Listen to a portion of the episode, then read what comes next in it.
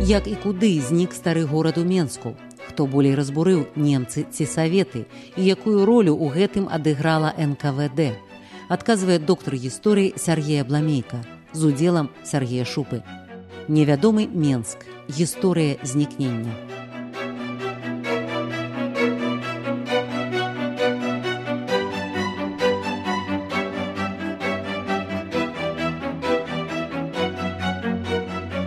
Добры дзень шаноўныя слухачы. У студыі радыё свабода я Сергей бламейка і мой калега Сергей шупа. Вітаю. Наш падкаст прысвечаны старому менску. Гаворка ідзе пра маю ўжо напісаную але яшчэ не апублікаваную кнігу невядомы менск. Гісторыя знікнення тэма сённяшняй гутаркі як выглядаў стары горад Тут варта сказаць, што ў апошнія 20-25 гадоў я адчуваю недаацэнку бачу просто як адбываецца ў нашым грамадстве ў культурнай прасторы недаацэнка менскай даўніны і няведання сапраўднай гісторыі матэрыяльнай культуры нашага гораду. Цяпер нават абаронцы менскай архітэктуры і тыя хто займаецца рэстаўрацыяй уяўляеш сцвярджаюць што стары менск быў пераважна драўляным горадам а і што нешматлікія каменныя пабудовы ў цэнтры былі напрыклад накрытыя бляхай і мала чым адрозніваліся ад аналагічных будынкаў у рассеі але праўда палягае ў тым што горад насамрэч такім не быў. У цэнтры менску было 39 цалкам мураваных кварталаў. Толькі так званы новы горад у менску пра які мы гаварылі мінулы раз это раён цяперашняя кастрычніцкага пляцу часткова нагадваў сабой расійскі губернскі цэнтр. Але і там вуліцы францішканская сённяшняя леніна дамініканская сённяшняя энгельса і і, і юраўская пазнейшая камуністычная якая ішла паралельна сённяшняму праспекту там каля палаца рэспублікі былога музея вялікай чыннай вайны яна не існуе. Але яны нагадвалі сабой старыя часы вільню фактычна мы бярэм вільню як арыенцір дык вось праблема ў тым што на сёння захавалася вельмі мала фотак менску 19 стагоддзя. Mm. 19 ну, мы говорим про 19 стагоддзя нагадаю першая фотка менску датаваная 1863 год, год. і гэта там тых боку траецкая прадмесця нават са старажоўкі сённяшняй. На цэнтр. На цэнтр на цэнтр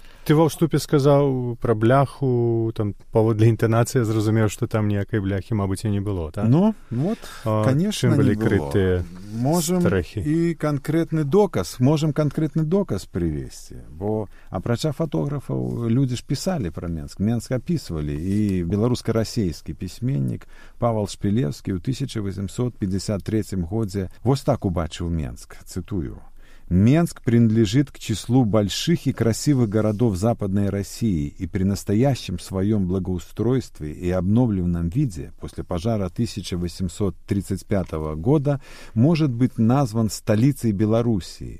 Он обширнее Щеголеватия, Могилева и Витебска за исключением Троицкого предместья, Татарского конца и глухих переулков по окраинам города, в Минске все дома каменные и большей частью очень большие, а улицы довольно гладко вымощены камнем и содержатся очень опрятно.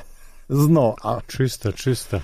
Раскинутый на горах и крутизнах Минск Совсем? почти со всех трактов или въездов представляет прекрасный вид – по горам, по пригоркам красуются здания, то высокие и широкие, то узкие и продолговатые, с черепичными крышами Опа. во вкусе средних веков. Ясно. Мы тут бачым, што Менск да сярэдзіны 19 стагоддзя уяўляў сабой тыпова еўрапейскі горад. Але глядзі, ён кажа сталіцы Беларусі, мне здаецца, што да пабудовы чыгунак віцебскую большы, чым Менск. Шпілеўскі лічыць, што на той час каля 30 тысяч жыхароў было на той час ужо ў Менску. Адкуль взялася тая бляха ў ва ўяўленні сённяшніх даследнікаў аматараў рэстаўратараў. Бляха была паноўным матэрыялам для накрывання стрэха ў расійскай імперіі, натуральна. А Менск стаў крыцца бляхай у другой палове 19 стагоддзя пасля гэтых трагічных пажараў. Іх было некалькі там 74 год 81 нагул пажары былі ўвесь час але э, менавіта... так можна значит я да пажарах да пажараў вернемся. Можна сказаць што паміж бляхай і дахоўкай існуе нейкая цывілізацыйная межа? Я думаю что так. Мы можем говорить тому что наша традыцыя это была дахоўка наша традыцыя это была дахоўка але калі мы трапілі ў склад расійскай імперіі тут ужо пайшлі э, загады царскія. І нешта у тридцатые гады девятнадцатгоддзя імператор расійскі э, падпісаў указ якім колерам крыць дамы. Іх было тры этих колеры чорныя зялёныя і чырвоныя запанавала такая так званая у нашым выпадку чэрляць мне даводзілася пісаць это такі цёмна-чырвона-карычневы колер. Які як не дзіўна сёння пануе ў менску. Таварыства стары менск зноў на вуліцы інтэрнацыянальнай прыбрала чарапіцу накрыла тыя дамы бляхай і фарбуе іх у менавіта тую чэрляць расейскую з 30 гадоў 19 стагоддзя.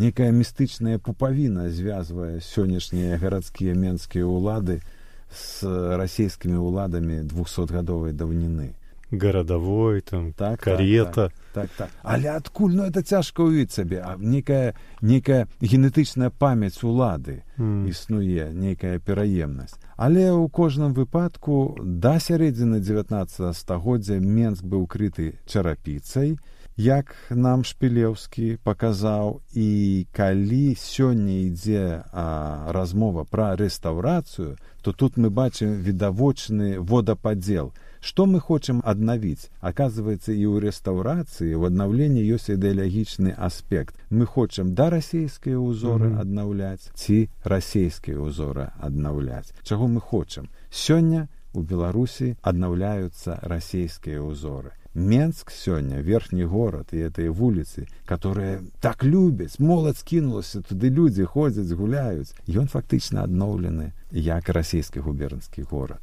Не, ну это так, таксама цікавае пытанне. Вось калі б было рэальна аднавіць стары горад так? Мы ведаем што значная частка старого гораду згарэла ў пажары 881 года значыць там забудова была недзе 80 гадоў 19 стагоддзя а это ўжо расійская імперыя і ўсё нешта да расійскае там ну было б аднавіць даволі праблематычна Праект рэгенерацыі старога гораду, які э, стварылі маладыя архітэктары ванту хіларі, якія працавалі ў супрацоўніцтве з таварыствам аховы помнікаў, то э, усе дамы замчышча усіх гэтых вуліц адназначна накрытыя карычневай бляхай, што, канешне, вельмі сумна выглядае і, канешне, не адпавядае гістарычнай праўдзе Таму што атрымваецца што ну іх аднаўляюць такімі якімі яны ўжо самі былі часткова адноўленыя пасля таго пажара 1881 года. Это ўжо такая позняя рэч. Я думаю што это паддаецца карекцыі ну, з другого боку нехто можа сказать ну ну это ж таксама наша гісторыя. Можа. і бляха частка нашай гісторыі ў такім сэнсе ну, як так. пячатка царызму і Так, ну я бы быў ўсё ж за прысутнасць прынамсі дахоўкі або mm. назовем яе чарапіцы значную. Асабліва, калі мы залезем наперад і скажам, што чарапічныя заводы ў Менску працавалі аж да пасля ваеннага часу, да вайны многія будынкі ў цэнтры горада былі накрытыя дахоўкай а адразу пасля вайны калі менск аднаўлялі з дапамогай палонных немцаў яны пабудавалі раён трактарнага завода і раён аўтазавода. Там у маёй калекцыі прысутнічаюць здымкі дзе ўсе гэтыя дамы накрытыя чарапіцай я тут ужо як бы нібыта сказаў можа неабачліва што ў гэтым старым горадзе неяк ну не праміна не прыпамінаецца ніякіх такіх важных будынкаў дамінантаў. А што ж там все ж такі было? Як гэты стары горад рэальна выглядаў Ну як ты разумееш, паколькі ў мяне аж цэлая кніжка на гэта напісалася, то я вельмі высокую ацэнку даю гэтай частцы гораду, нягледзячы на тое, што у розных генпланах архітэктары страшна пляжылі гэты раён казалі, што ты дамы не маюць э, каналізацыі, што яны старыя разваліваюць клапоўнікі я памятаю так, тэрмін. так, так, так. тым не менш э, это вельмі важная мясціна для нашай гісторыі культуры там былі і дамінанты конечно там была як мы ведаем цяпер застаецца петрапалаўская царква 1612 года на нямізе. Дзве сінагогі на школьным двары прытым адна з іх гатычная холодная сінагога 1570 года.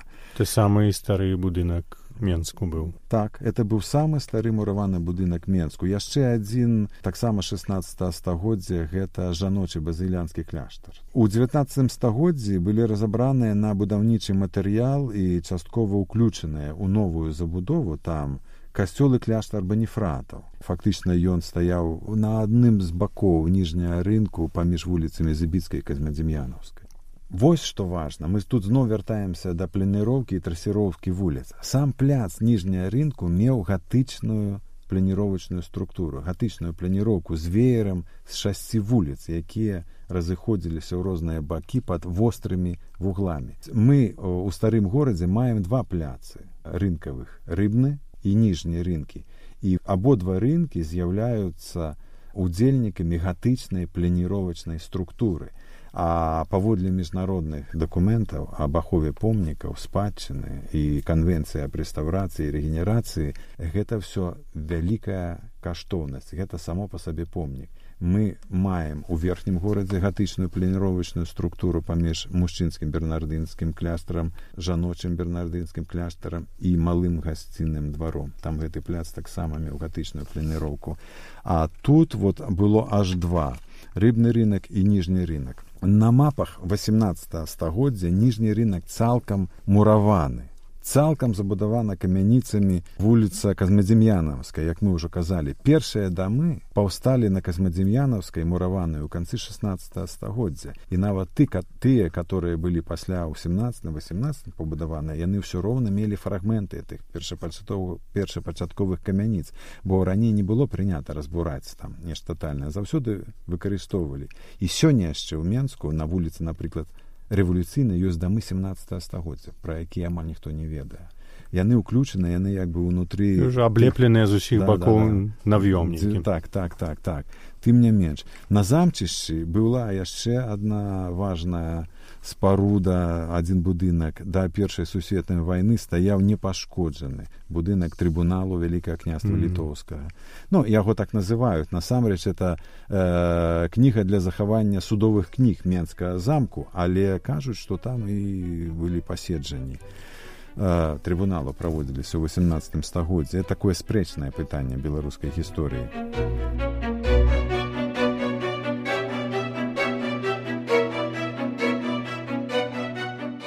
невядомы менск гісторыя знікнення Сергея бламейка абмяркоўвае свае архіўныя знаходкі з сергеем шупам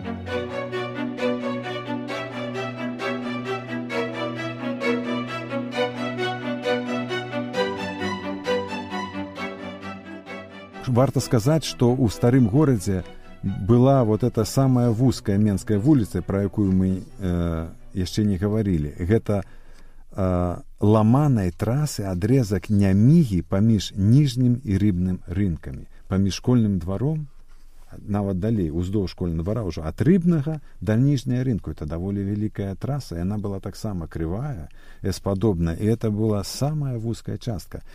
Адлегласць паміж дамамі 6 метраў была. Вось вузкія ходнікі метровыя і там трохметровая нейкая брукаваная частка. І это, это вось праіснавала да калі? А, да войны да войны значыць падчас войны это было разборана ці яшчэ да войны а, не не, не.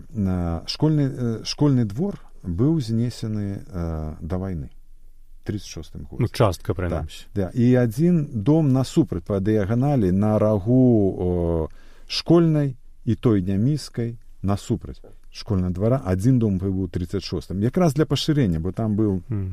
вузкая школьная і зняміга это было вельмі вузкая частка. Таму яны для пашырення яшчэ раз для слухачоў можа хто не ўяўляе сабе што такое школьная. Школьная была вельмі вузенькая вулка якая ішла з высокага рынку з цяперашняго пляцу волі па на нямігу на нямігу лесвіца там дзе цяпер лесвіца ўздоўж белдзяж белдзяж праект так так. так так. і вось гэтая вулка шла на ніз і на рагу з нямігай быў так званы слева слева школьны двор дзе было не дзве было 14 сінагогаў Ну мы говорим про тыя дзве самыя так. мураваныя вялікія конечно школу там было значна больш а з другого боку дзяж праекту акурат просто ўпрытык да яго і стаяла тая холодная сінагога якую разбурылі ў 65 годзе так вось гэтая вуліца школьная якая ў так. савецкія часы называлася вуліца вольная.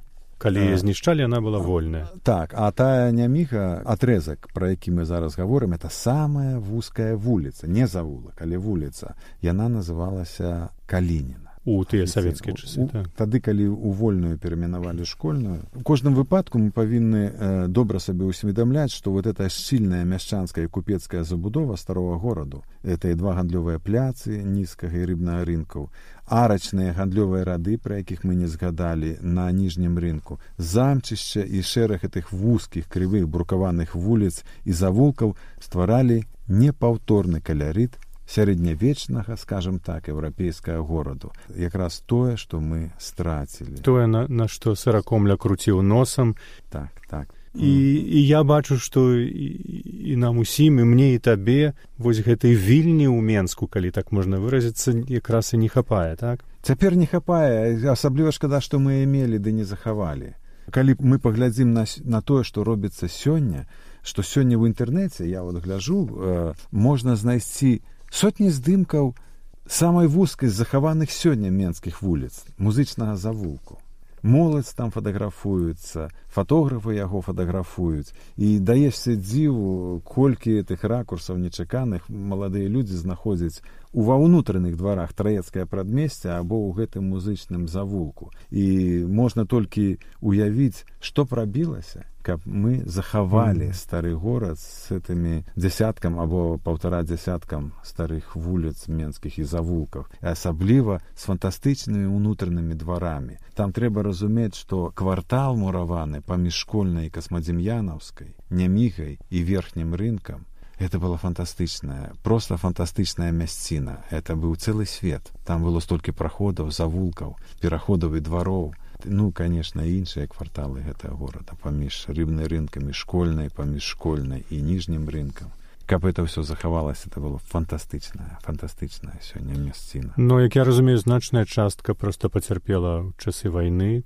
былі пажары так і пасля была знесена. І пасля была знесена бо ў дзяржавы не было ні уяўлення ні розуму ні грошай на тое каб это аднаўляць як это было зроблена скажем са старым горадам у варшаве. І не было тых хто мог бы э, хто мог бы памагчы ўладам зразумець так, што так. з гэтага аднаўлення бо зусім іншая была сітуацыя. Тридцатые гады змянілі цалкам ландшафт культурна беларусі. mm -hmm.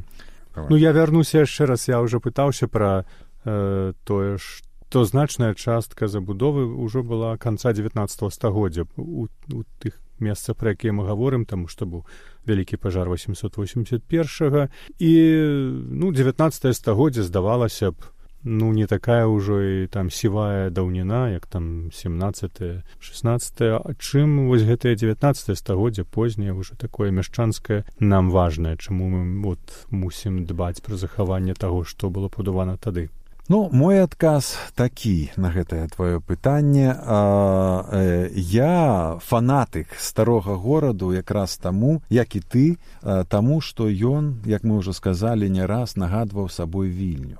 Ён нагадваў сабой як і пісаў саракомля больш старыя часы Чаму так адбылося? Прафесійныя архітэктары ў Менску таксама працавалі ў часы ўжо расійскай імперіі 19 стагоддзя. Але Менск пашыраўся у бок вакзала, у бок туды, дзе цяпер стадыён дынама і далей ляхаўкі і будаваўся там таксама мураванымі дамамі. Там паўставалі будынкі банкаў, гатэляў. Э, гэта стваралі ўжо прафесійныя архітэктары. Ну, многія з гэтых дамоў нагадвалі сабой таксама старыя часы як скажем будынак менская шляхецкая сходу насупраць купалаўскага тэатра на вуліцы сённяшняй энгельса. Ён меў скляпенні на двух з трох паверхаў. Так што гэты будынак быў таксама але это была такая же некая эклектыка. Так але в адрозненне ад гэтага стары горад забудоўвалі цэхавыя майстры. Тут мы павінны трошачку зрабіць адхіленне ў бок гісторыі і сказаць што цехі у Менску былі скасаваныя толькі ў 1901 годзе. Цэхавая арганізацыя рамеснікаў была захаваная ў часы расійскай імперіі пасля таго, як Менск трапіў у склад расійскай імперіі. Александр Ельскі некалі пісаў, што ў 1885 годзе ў менскія цэхі ўваходзіла каля 130 цэхавых майстраў, 400 падмайстраў і 270 вучняў. Насамрэч цэхавых майстроў было значна больш гісторык беларускі рак які займаўся гісторыяй цэха ў двадцатые гады два стагоддзя пісаў што ў 1866 годзе у менскай цэхі ўваходзіла 2048 майстроў падмайстраў і вучняў. То есть гэта у два з паловы разы прыблізна больш чым пісаў ельскі. І што мы тут маем? Цэхі это вельмі кансерватыўная структура. Ну трэба разумець што ў першай палове 19 стагоддзя змянілася ў жыцці цэхаў толькі адна рэч. Цэхмістры сталі называцца старастамі. А ўсё астатняе засталося ранейшым і экзамены на выраб штукі так званай і выбары этих цэхмістраў старшыняў на агульным сходзе. І доўгы навучальны перыяд этих падмайстраў і бясправ'е вучняў. і парады цэхавыя з харугвамі і з музычнай все это адбывалася да сярэдзіны 19 стагоддзя і адпаведна калі здараліся гэтыя пажары э, на замчышці сялілася гарадская бедната там былі габрэі беларусы і палякі паступова сталі пераважаць габрэі але было ўсё відавочцы записываюць што гучала на замчышчы ў старым горадзе тры мовы. Мы пасля да это яшчэ вернемся. Наступны нас падказ будзе прысвечаны побытаваму жыццю старога гораду. Дык менавіта дзеля кансерватыўнасці гэтыя дамы будавалі не прафесійныя архітэктары а цэхавыя майстры так як яны ўмелі так як традыцыя ішла з 17 з 18 стагоддзя. Кантрафорсы як э, сродак умацавання слабых сценаў са слабой рошчынай вузкія вокны скляпеністыя цокалі абое першыя паверхі тая ж самая дахоўка все гэта было і гэта звязана з існаваннем у менску цэхаў. У працягу 19стагоддзя цэхі мянялі паступова сваю этнічную структуру нацыянальны склад. Паколькі патэнт цэхавага майстра даваў права перасякаць рысу аселасці ў расійскай імперіі то габрэйская бедната паімкнулася ў цэхі каб мець магчымасць сацыяльны ліфт. Так перасячы эту рысу аселасці пасяліцца недзе ў рассіі бо вялікая канкурэнцыя вялікая цесната была ў наших гарадах і у нашай эканоміцы так калі можна сказаць для актыўных людзей і ўжо нават да другой паловы цэхі пароўну дзяліліся на хрысціян і габрэяў. Але до конца 19 стагоддзя габрэі сталі пераважаць у цэхах і стала больш. І гэта была адна з прычын скасавання цэхаў у 1901 годзе каб не даць магчымасці таго сацыяльная ліфту бо антысемітызм у расійскай імперіі нікуды не знікаў з пачаткам 20 стагоддзя. Дык вось это асноўная прычына. І таго што гэты горад так выглядаў і яшчэ можна сказаць што семь процентаў гарадской забудовы это таксама асаблівасць менску наших беларускіх гарадоў і у тым ліку менска былі змешанай канструкцыі ніжняя частка была каменная а верхняя драўляная у ніжняй частцы быў бізнес людзей майстэрня або крамы а ў верхняй цёплай драўлянай яны жылыя я сам нарадзіўся ў такім доме. Нашу сям'ю выселілі немцы ў часе вайны на ратамскую вуліцу цяпер мельнікайты і там мы ў такім доме жылі калі ўжо я нарадзіўся. У этой верхняй цёплай драўлянай палове. Трэба сказаць што э, колькасць мураваных дамоў менску расла под канец. У 1896 годзе колькасць мураваных будынкаў менску была 2110 а ў 1911 годзе 10300 мураваных будынкаў менску ўжо было. А стары горад заставаўся такім кансерватыўным старым месцам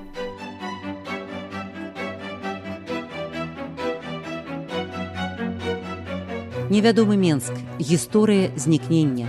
Наступны падкаст Сергея Абламейкі і Сергея Шупы праз тыдзень. Падпішыцеся. Усе падкасты свабоды ў інтэрнэце на адрасе свабода кропка орг. Штодня у любы час, у любым месцы, калі зручна вам. Свабода кропка орг. Ваша свабода.